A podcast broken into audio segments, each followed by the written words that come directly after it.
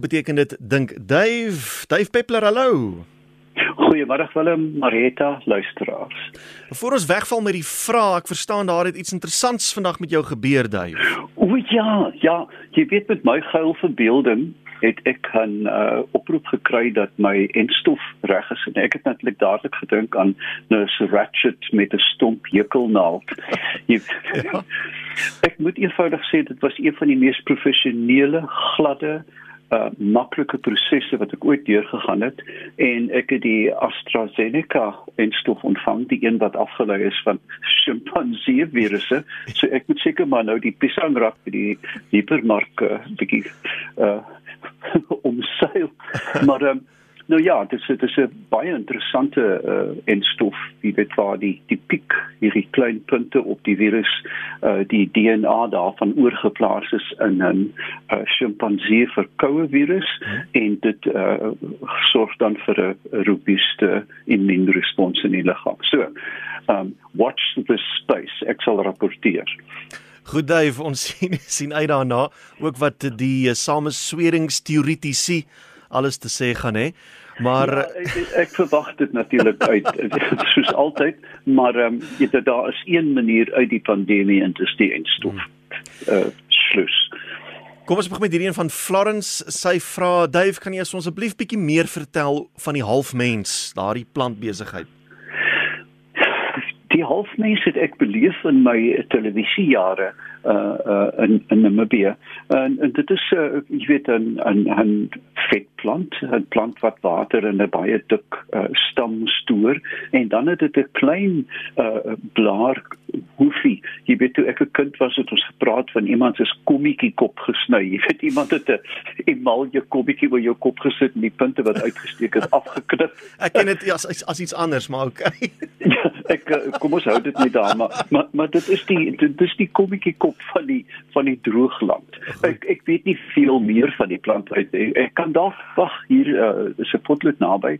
Miskien kan ek dit uh, op my Facebook 'n bietjie meer uitpak hmm. vanaand. Maar is dit so in die in die rolprenter dan sien jy sommer die cowboy loop verby en hy's dors en hy kap 'n vetplant af en hy drink water uit die vetplant uit. Kan kan mense dit doen of is dit maar bietjie Hollywood ja, daai? Ek ek ek ek is dink jy sal jy weet dis 'n kortpad hel toe as jy nou half mens gaan afkap. Ek het 'n vermoede dat die ding redelik giftig is.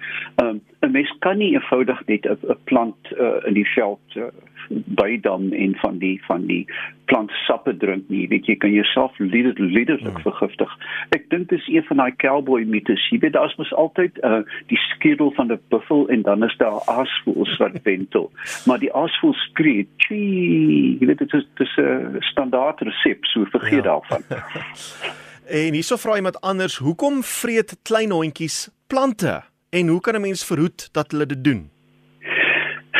Klein hondjies uh, is nuuskierig. Jy weet plante is die beste uh dier wat want hulle vreet goed wat jy wat ek nie op die lug kan noem nie, jy weet. Uh, uh, uh veral in in in in 'n parkstuit in 'n wingerd moet jy nie 'n klein hondjie loslaat nie want dan uh, kom hy met 'n stinkbek huis toe. Ehm um, hulle hulle eksperimenteer Uh, en gewoonlik is dit as mens vir hulle papkos gee, vir hulle plante om vesel te kry. Mens sien dit beide by katte en honde dat indien hulle 'n uh, ontstelde maag het, dan eet hulle grashalms en plante en dit is gewoonlik net om 'n bietjie 'n uh, bietjie vesel aan die ingewande te voor voorsien. Ja. Hoe mense dit kan voorkom?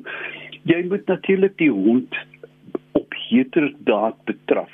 Jy verstaan en dan moet jy 'n skerp uh bevel gee soos nee of stout vir al sibilante esse mm. werk goed by diere hulle hoor dit baie goed dit help nie jy weet jy kyk by die venster uit en jou petunia land is verwoes en dan skree jy op die hond ek het jou al 100 maal gesê jy moet dit die hond verstaan dit nie jy mm. verstaan hulle hulle so jy moet jy moet hom op heterdaad betraf en dan die hande hard klap of 'n koerant teen jou been klap en sê sis stout mm. en hulle leer bitter vanaand Hier is een van tuis en hy vra: As suurstof brand en waterstof brand, hoekom brand water nie?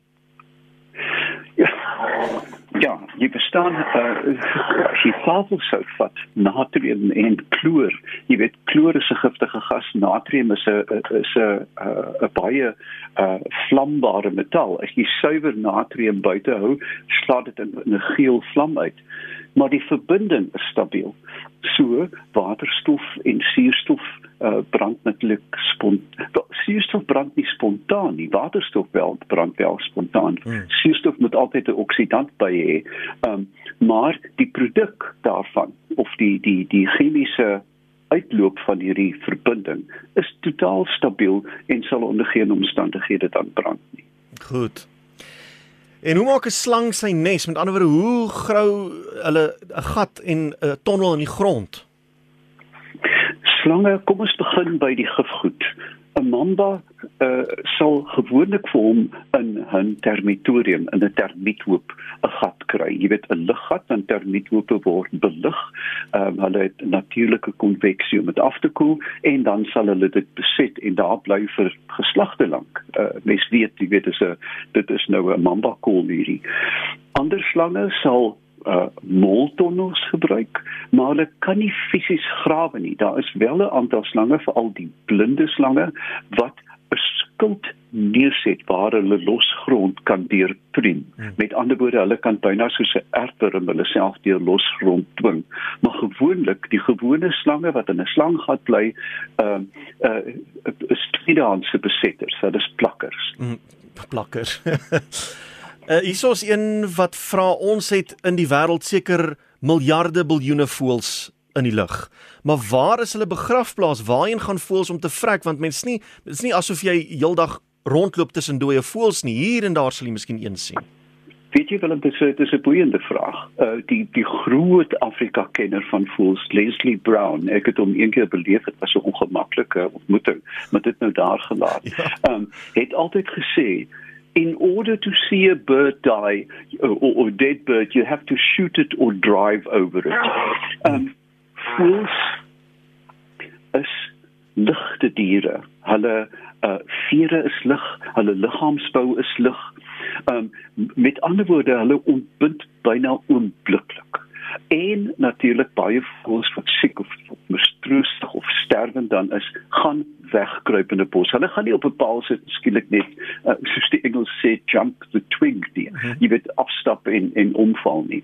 Met ander woorde dat uh, hulle gaan een wegkruip twee hulle gaan heel moontlik so vinnig uh, uh, uh, organies verteer word dat 'n mens byna nie die res te sien nie. So dit is 'n dit, dit is 'n baie geldige vraag, maar ons weet statisties dat daar daagliks miljoene voëls moet vrek reg oor die aarde, maar mens sien byna nooit die karkasse. Waar jy dit wel sien, is natuurlik by die see waar die seewater dan 'n voël in 'n mate preserveer en hulle dan uit laat uitspoel, maar op land sien mense dit byna nooit. En dis een van daai dinge wat jy eintlik nooit aan dink totdat iemand dit vra nie.